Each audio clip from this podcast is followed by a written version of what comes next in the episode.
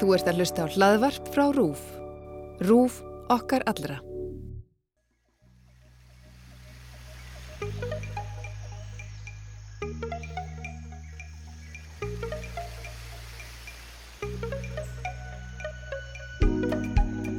Heil og sæl, hlustandi góður, þú ert að hlusta á annan þáttin af X21 kostninga hlaðvarpi RÚF. Ég heiti Guðmundur Björn Þorbjörnsson. Og ég er Holmfríður Dagni Fríðansdóttir. Í dag eru 29 dagar í kostningar.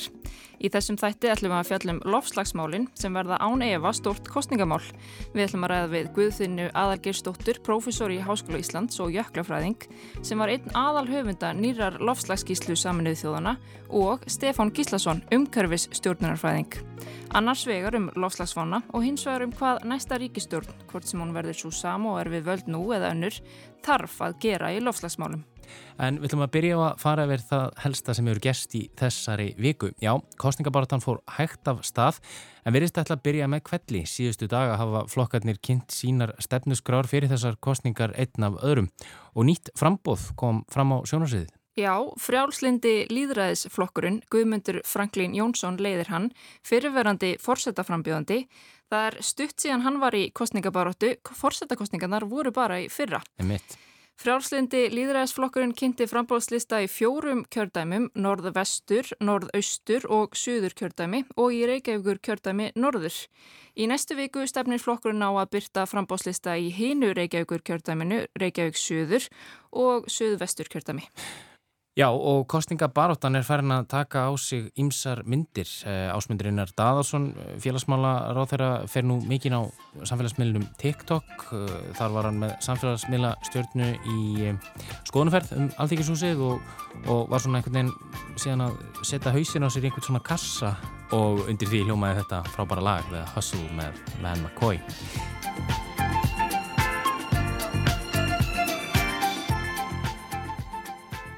Já, við hefum afa lítið eftir að sjá meira af stjórnmálumönnum fara mikinn á samfélagsmiðlum næstu vikunnar. Og svo er komin í ný skoðanakonun. Já, MMR gerði skoðanakonun sem byrtist í morgumblæðinu gær. Já, og samkvæmt þessari skoðanakonun uh, kemist nýju flokkarinn á Þing og Sósialistaflokkur Íslands mælist er með 8,7% fylgi. Sjálfstæðisflokkurinn mælist með mest fylgi allra flokka, eh, 23,9% og framsvonflokkurinn fengi 12,5% samkvæmt þessari konun. Þá mælast fjórir flokkar með 10-11% fylgi, vinstir græn 10,9%, píratar 10,6%, samfylging 10,5% og viðreist með 10,4% allt í hnút þarna. Miðflokkurinn mælist með 6,2% fylgi, flokkur fólksins með 5,1%, rétt yfir 5% mörgurum sem tryggjað frambóð fái uppbótarsæti óhæð því hvort þau nái kjördamakjörnu þingsæti eða ekki eins og Ólafur Þótt Harðarsson ræti við okkur um hér í fyrsta þættirum af X21. Og samkant þessari könnun þá fengi sjálfstæðisflokkurinn 17 þingsæti, framsvonflokkurinn 8, minnstyrkarinn og píratar 7, samfélkingu verist 6, sósælistar 5, miðflokkurinn 4 og flokkur fólksins 3. Og svo eru það stefnumálinn, þau eru líka farin að taka þessu mynd tónum fyrir. Já, um helgina allar sjálfstæðisflokkurinn Vinstri græn og viðreist að kynna sínar kostningastefnur en síðustu tvo daga hafa þrýr flokkar haldið svona kynningafund svo það er barist um aðtiklina. Stefna miðflokksins fælst í því að tryggja tíu ný réttindi fyrir íslensku þjóðina. Það sem er fyrst talað um að verði ríkisjóður reygin með afgangi fái allir fullornir íslenskir ríkisborgarar helming afgangsins endurgreitan til japs á fullveldistægin 1. desember árið eftir. Ég er ekki við sem að þetta náist fyrsta árið en þegar að við förum að vinna að þessu þetta verði, eigi að vera niðurstaðan ríki verði reiki með afgangi þá getur allt fólk verið vist um það að þegar að árangur er næst þá er, verða allir með. Sagði Sigmundur Davíð Gunnlaugsson í viðtali við Jóhanni Vítissi Hjaltadóttur eftir fundin á miðugudaginn. Það fór hins vegar ekki mikið fyrir umræðum lofslagsvandan í framsögu Sigmundar en í stjórnmála álugtun flokksins sem var samþygt á landstingi um miðjanmánuðin var talað um að mikilvægt verið að nýta umhverfisvæna innlenda orku til að auka framleyslu. Samfélkingin er með lofslagsmálinn ofalega á bladi, þau kynntu mitt sína stefnu sama dag og miðflokkurinn. Heyrum hvað Lógi Einarsson, formaður samfélkingarinnar, sagði að bæri hæst hjá þeim. Við munum setja fjölskylduna og aðgerið fyrir fjölskyldu í algjörum forgang núna og síðan ætlum við að leggja til alvöru raunverulegar aðgerðir í loftlagsmálum. Sagði Lógi Einarsson og við komumst kannski að því síðari þættinum hvað fælst í raunverulegum aðgerðum. En framsókn helt í gær og þau ætla að fjárfesta fyrst og fremst í fólki. Og meðal annars með sama hættu og við Ósmund Reynar hefur verið að gera í barnamálunum.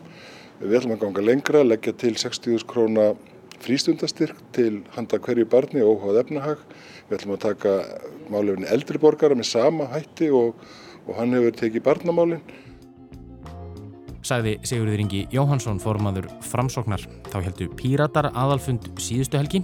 Erum í haldoru Móensen hjá Píratum. Þannig að við erum að horfa til þess hvernig við getum breytt kvötum í efnahagskerfinu og fært okkur frá end, þessum endalessu hagvakstarpælingum og horfa til nýra mælikvarða þegar kemur að mæla velgengni samfélagsins.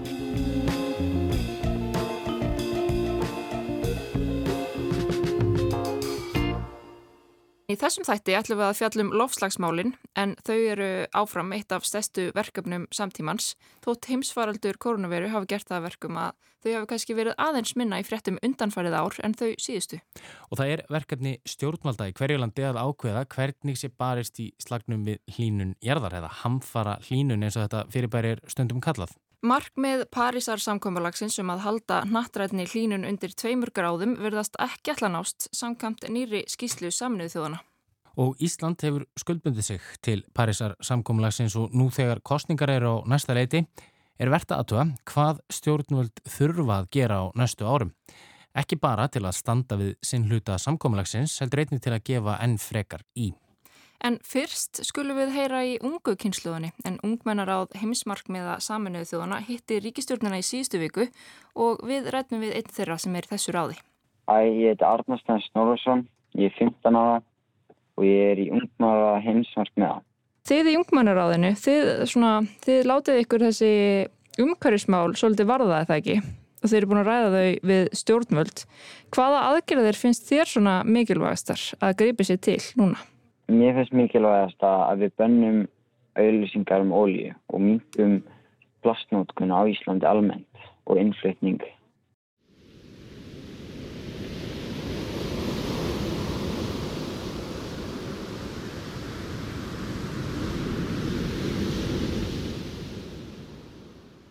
Við viljum allir gott líf. Mín kynslu og börn okkar verða lengi á jörðinni til þess að það gangi vel þá verður, verður að ná mat og vatni og landi sem fólk bú á. Við vitum að sjáarborð er að hækka og við vitum að stór landsveið er að brenna í skóreldum og önnu að breytast í yfirmerk. Þetta minkar að land sem er gott til að búa á og minkar möguleika á matvæla framhengsli. Annað sem minkar möguleika á matvæla framhengsli er sjórin.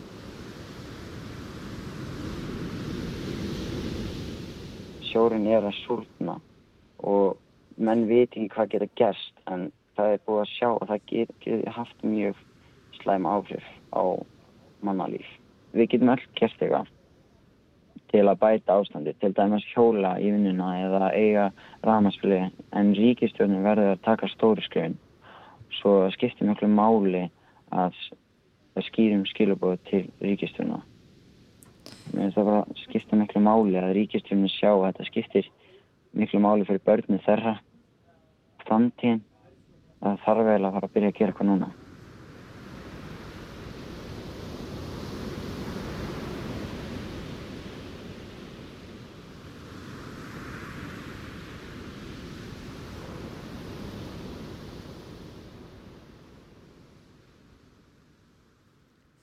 Já, eins og heyram á á tali þessa unga manns þá einfallega verður við að grípi í taumana ef ekki á illa fara. Þetta eru skilabóð ungu kynsluðarinnar til stjórnmálumanna nú þegar að kostningabaráttan er að hefjast. Já, oft sjá börnin betur, hafa skýrar í sína aðstæður heldur en fullotnir sem eiga til að flækja málinn. Ofta ratast kjöftu um satt á munn er stundum sagt en eftir að skipta át börnum fyrir kjaftin þegar kemur að loftslagsmálum. Við rættum við tvo sérfræðinga í morgun og þau voru á sama máli og Arnar Snær. Það verður að gera betur og meira og það strax sögðu þau Guðfinna aðalgeirstóttir profesor, jöklafræðingur og einn aðalhaufenda nýju lofstafskíslu saminnið þjóðana og Stefán Gíslason umkörfis stjórnunarfræðingur. En þá spyrir við, er þetta raunverulegt kostningamál, lofslagsmálinn? Við sjáum þetta jú á stefnusgrá einhverja flokka en er ekki allir sammála hér? Það má kannski svara sem er tvennum hætti, sko, augljóslega eru lofslagsmálinn stærsta kostningamáli á vegna þess að þetta er bara stærsta viðfansefni samtímans. En svo getur líka vel verið að sé ekki kostningamál vegna þess að séu allir sammála um það hvað þurfa að gera. Það vísu ef að stíðum það en þannig að það er ekkit víst sko ef, ef maður gefur sér að allir átti sig á stærð vandamálsins að þá er þetta ekkit sem að þarf að taka stáum fyrir kostningan en það kannski bara um aðferðir. Gott og vel, en það er ljóst að flestir flokkar nefna umhverjusmálin og aðgerðir í þeim efnum í stefnumskrám sínum, en hvað á næsta ríkstjórn að gera? Já, Stefán segir ekki nóg að stjórnvöld uppfylli skuldbindingar sínar við Parísarsamkómuleið. Sko, svo skuldbinding snýst bara um það að Ísland seti sér markmið sem að stiður við aðalmarkmið um að hittast þegar hækki ekki um meir en tvær gráður uh, fyrir, já, frá því sem var fyrir einbildingu og helst ekki meir en einu og halva gráðu og þarna hefur Ísland lísti yfir að það fylgi Európa-sambandana málum. Þannig raun og veru þá er já, Európa-sambandi er búið að setja fram markmið um 55% samdrætt í lósun fyrir 2030 sem er áalveg að duga til þess að ná þessum mæntanlega og síðan á Ísland bara eftir að semja um það við Európa-sambandi sko, hver hlutur Íslands því þessum markmiði verður og í raun og veru hægt að stilla í þannig upp að Ísland þurfi kannski ekki að gera íkja mikið vegna þess að hinn geti gert svo mikið.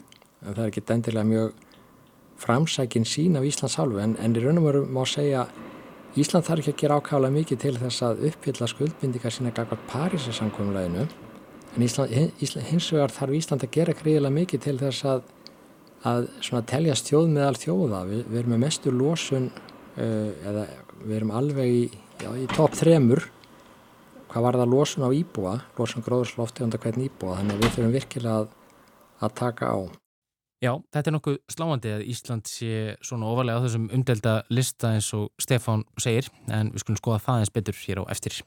Já, ég talaði við Guðfinnu Aðalgeirsdóttur, profesor, og spurði aðeins út í þessa nýju skýslu saminuðu þjóðana og hvaða skilabóð hún sendir. Skilabóðin eru mjög skýr.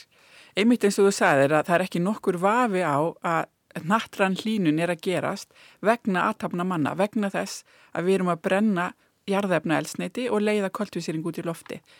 Og hlínunin hefur orðið nú þegar einn gráða og síðan er sett fram spá í hérna, þessari skýslu hvernig framtíðin gæti orðið miða við mismunandi sviðsmyndir. Þannig að það er, það er sett upp nokkra sviðsmyndir um hvernig losun koltvísýring verði í framtíðinni og hvaða aflegginga það hefur fyrir lofslæðið. Og hvaða afleðingar eru það?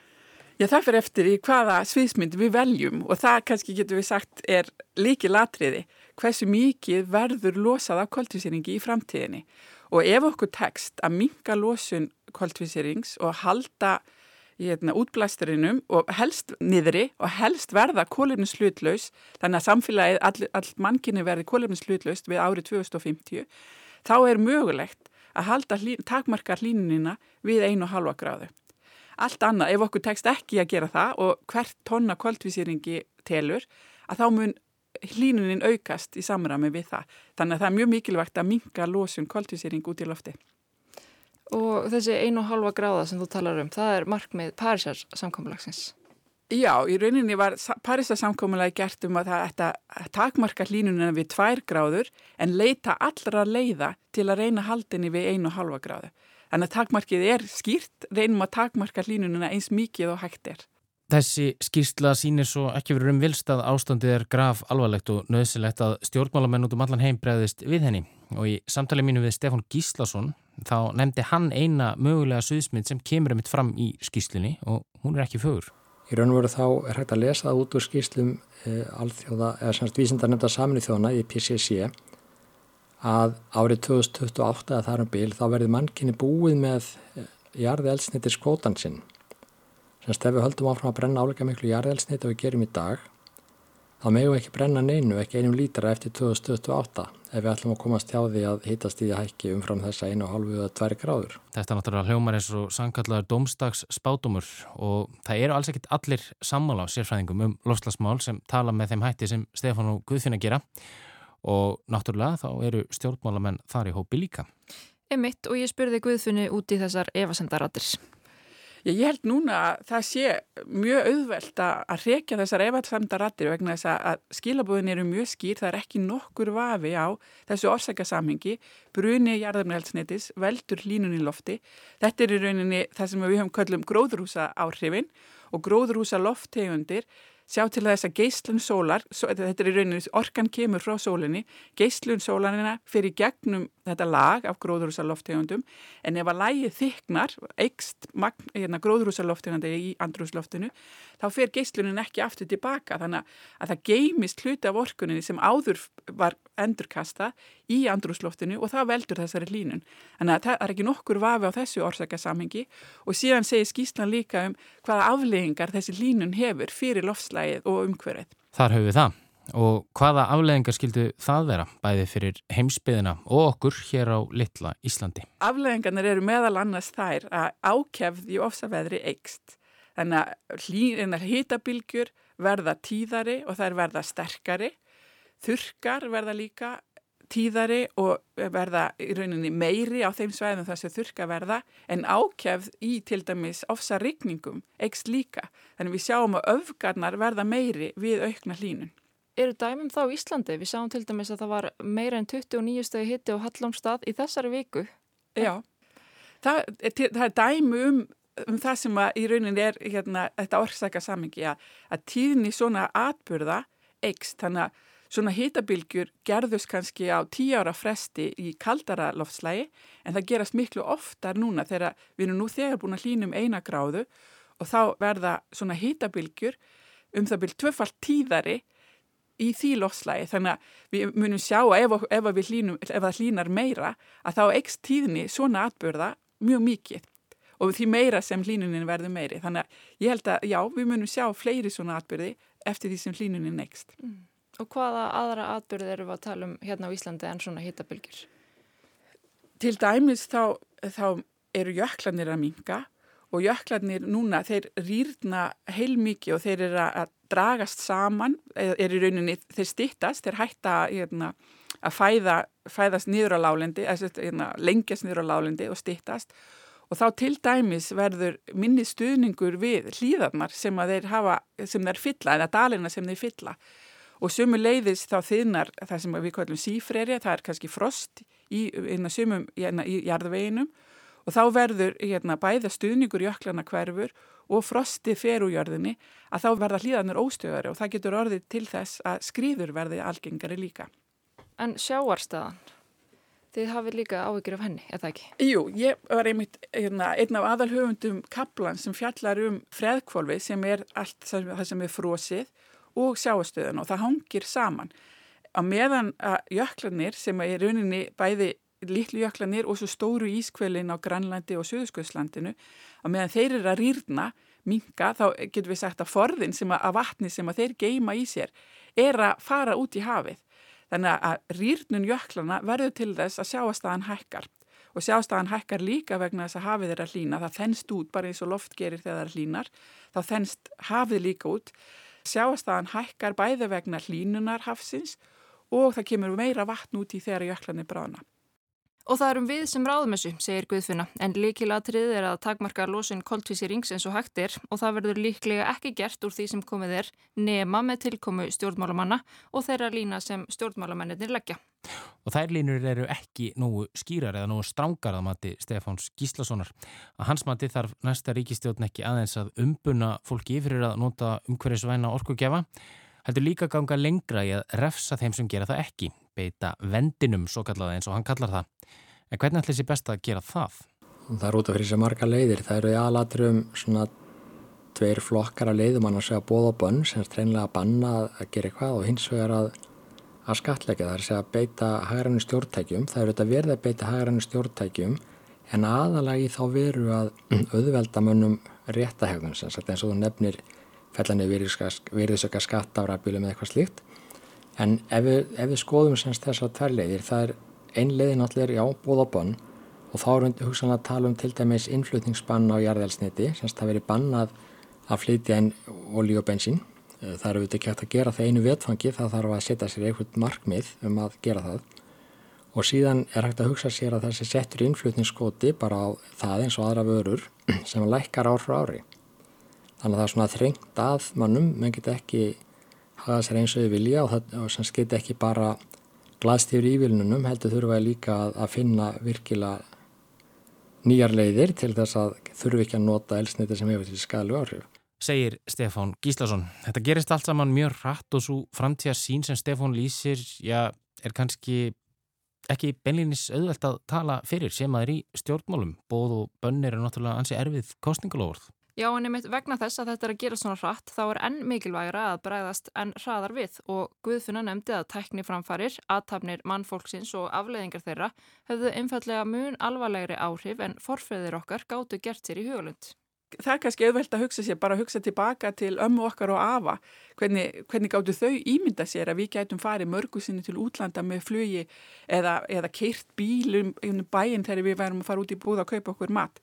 Að ég held að hérna, að breytingarnar og tækniframfæðarnir hafa orðið gríðarlegar og ég held að það sé kannski líka það sem við verum að muna núna. Við höfum tæknina og við höfum þekkinguna til að halda áfram og breyta því þannig að við hættum að nota hérna, jarðefnaelsneiti og farum að nota orkugjafa sem eru kólefni slutlausir.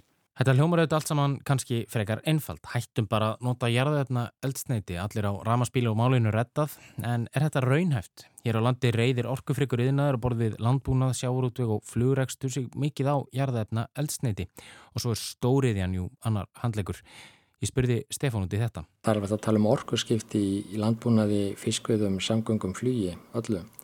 Þetta tekur bara sinn tíma og þetta er misauðveld eins og menn alltaf þekkja að það er kannski aðeins stærra viðhvarsefni að rafæða flugsamgöngur heldur en samgöngur á landi bara sem dæmi. Og þetta tekur þetta tíma. E, tæknin er svo sem til en menn þurfa bara að, að setja sér sagt, markmið, ekki bara eitt markmið um að vera búin að þessu ekkert ár heldur bara hvað hann á land á hverju ári. Og þannig að margarleiði til þess eins og ég segi, einleginni þessi að að setja innflutninskot og elsniti sem að lækkar á ári en þetta er allt hægt og, og þetta er heldur ekki spurning um hvort það sé hægt þetta er bara eitthvað sem þarf að gera. Og eins að ég held að sko margir og það er með tali stjórnmálamenn hafa ekki átt að segja því að við erum í einhvers konar krísu ástandi það er vel hægt að lýsa líka eh, stöðinu lofstafsmálum við stöðinu í COVID nema hvaða COVID er væntanlega svona meira skamtímamál og snertur okkur á allt annan hátt heldur en lofstafsmálinn því lofstafsmálinn sko snerta alla þættir samfélagsins Þannig að ef við gerum ekkert það munum við, það munum verða verulegt tjón ekki bara á náttúrun, þetta er líka á samfélaginu og líka á efnahagnum. Þannig að það er gríðilega kostnæðsamt að gera ekkert og það er eitt af því sem mér finnst gleymast oft í umræðinu þó það heyrist vissulega. Það dugar ekki að líta á kostnæðin við að grípa til aðgerða, að það líka kost, líta á kostnæðin við að gera það ekki. Og við höfum alveg aðfyrir til að meta þann kostnæð. Þannig að jújú, það er hægt að skiptum orku í öllum þessum viðnaði sem á annar bara nota jarðefnelsniti en það tekur tíma og það þýðir ekki bara að sitja og býða til að koma inn í tækni, maður það líka ít á eftir. Það þurfa stjórnvöld að gera. Guðmundur, við nefndum hérna áðan að Ísland losaði hlutvarslega einna mest allra þjóða af koldvísýringi út í andrumslaftið.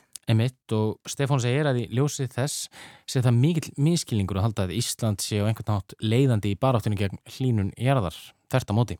Ísland áauðu þetta nota tækifærin sem að þarna liggja vegna þetta er ekki bara eitthvað basl og vesin. Það eru líka tækifæri vegna þess að öll nýsköpun á næstu 20 árum, mun, eða næstum öll nýsköpun mun verða á þessu sviði. Það verður í græni, grænum umskiptum af öllu tægi. Þau erum við að vinna að ymsu á þeim sviðum en það er hægt að gera miklu meira og það er mikill mískilningur ef einhver heldur í fram að Ísland sé einhverjum farabrotti í þessu málum. Það er bara alls ekki þannig. Þjóð sem að losa en meira gróðsalóftund og hvern íbúa heldur en uh, nánast allir aðri jarðarbúar getur ekki sagst þeirri farabrotti. En hvað veldur þessu? Hvers vegna eru við svona miklir loftslags skussar, svona orkufrekir neslusækir? Langstæsti liðurinn, eh, ef lítum á heildamindina, er losan frá landnótkun. Og er náttúrulega fyrst og fremst losan frá framræstu votlindi og það er náttúrulega eitt af því sem stjórnmál þurfa að gera ekki bara setna eða fyrir 2040 eða eitthvað svo leiðs, er bara frá að með deinum í dag. Það er að fara í stóra átaki endur enn votlindis. Eins og eins og þetta er reiknað át núna að þá er þessi losun kannski um tver þriðji vatri losun Íslands og markvallt meiri heldur en löndunum kringum okkur. Og náttúrulega sem tengist því að við erum fámenn þjóði í, land miklu landi og hefum ræst fram alveg gríðalegt uh, uh, flatamála landi og ef að menn halda það sé að ég sé nú að tala um að fara að taka rektarlanda bændum þá er það alls ekki þannig, það er ekki náttúrulega brota af þessu sem er nýtt í rektunar annað framræst land er annarkvort ekki nýtt eða þá nýtt til eitthvað annars, eitthvað sem það er rossabeit eða, eða hvað annað. Þannig náttúrulega eh, stærsta skýringin á þessari gríðalega miklu losun en svo líka önnurskýring að við erum náttúrulega með miklu meiri stóriðju á Íslandi heldur en gengur og gerist, þannig að á hvern mann. Stóriðan stendur núna fyrir um eitthvað nála 40% um af allir losun Íslands að landnótkun frátalinni og notar eitthvað rúm 80% af allir rávorkur sem framlötu á Íslandi og þetta er náttúrulega greiðalega stóru liður í, í þessum tölum okkar. En þó við tækjum landnótkununa og stóriðana út og bærum bara sama það sem eftir er þá er einn samt mjög ofalega og það líkur þá meðan sín náttúrulega sem er eðlilegt í samgöngum að því við erum enn og aftur fámenn þjóði Stórulandi og, og ferðumst þar leðandi mikið. Erum með stóran fiskiskipaflota sem að er svona, jú, búin að gera margt gott til þess að draga lósun en það er margt óunni þar og svo framvegist. Þannig að það eru margið þættir og svona allir eitt þáttur í þessu sem að gleymist oft og kemur endar ekkert fram í þessum ofinbyrju lósunatölum og það er bara neyslan okkar.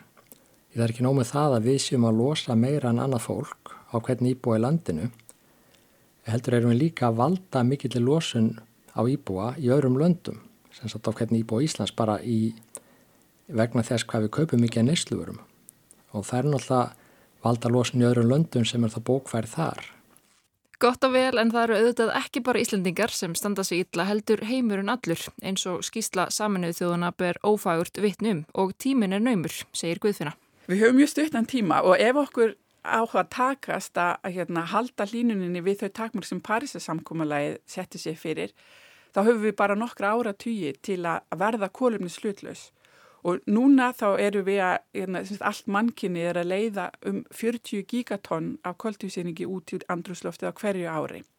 Ef við ætlum að hafa nokkra góða vissu um að við takmörkun hlínunina við 1,5 gráðu, þá getum við bara leitt um 300 gigatonn af koltvísýningi með núverandi útleðslu þá höfum við bara um það bila áratug til að ná þessu takmarki sem að Parísasamkomlega sett okkur. Þannig að mingunlósununa er líki latrið og við þurfum að gera það rætt og öruglega. Og lókum spurði ég Stefán Gíslason, hvað þarf næsta ríkistjórn Íslands, hvort sem hún verður óbreytt frá þeirri sem núna er eða ekki, að gera á næstu árum í loftslagsmálum? Hver eru brínustu verkefni stjórnmálana á því sviði? Stóra átaki endurhend volindis, bara alveg verulega stort átak. Skoða þetta að setja einhvern eindaga á notkunjarðelsnetis, skoða hvernig er hægt að setja til dæmis innflutningsskota sem lekkar áhrári, uh, hækka verð á, á vörum sem að valda losun eins og til dæmis elsneti og, og þess vegna kælimiðlar og fleira. Og þetta er kannski það stærsta og í raun og veru þá felur þetta í sér að það sé tekinn fram vöndurinn. Semst við erum að tala um verulega hækkun vendanlega á til dæmis bensin og olju. Við erum ekki að tala um 2 krónur eða 3 krónur, við erum kannski að tala um 50 krónur eða 100 krónur lítran sem hækkar. Sem eru raun og veru bara viðleitni til þess að fella þann kostnað sem hlýst af þessari nótkun inn í verð vörunar.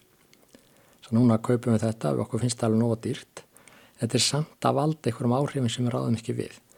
Ennanna sem að ég held að sé bringt fyrir stjórnveld að gera, að það er að nýta þá fjármunni sem að þau innheimta sem einhvers konar gjaldtöku af óæskilegri hegðun í þessu samingi til þess að styðja við nýsköpun sem að gengur út á það að færa okkur nær lofslagsveitni hegðun, nýsköpun í lofslagsveitni tækni og svo framvís.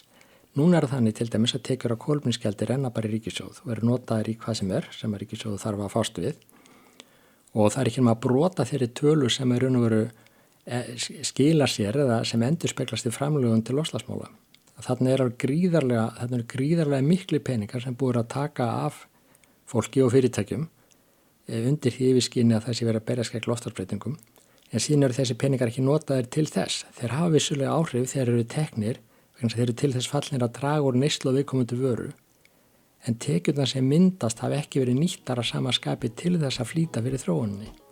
En þetta eru bara svona örfa á atriði sem eru öll stór sem að þarf að byrja að gera nöður margt, margt fleira. Ég skilabóðin eru skýr og þessi skýrsla sínir það er skýrt samengi millir þess að við brennum jarðefnaelsniti og það hlínar. Þannig að lausnin er að minga brennslu jarðefnaelsnitis eins mikið og hægt er og eins hratt og hægt er.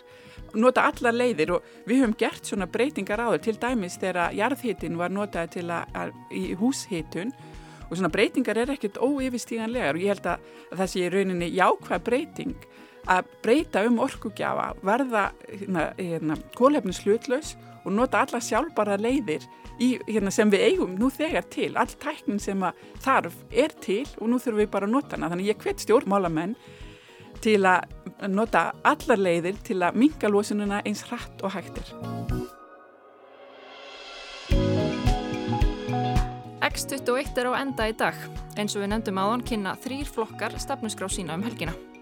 Og eftir helgi þá ætlum við að fara yfir helstu stefnumál flokkana tíu. En við rættum við frambjöðundur úr röðum allra flokka, nýja frambjöðundur þar að segja og við heyrum í þeim fyrsta í næsta þætti. Ég heiti Guðmundur Björn Þorbjörnsson. Og ég er Hónfríður Dagni Fríðansdóttir. Takk fyrir að hlusta.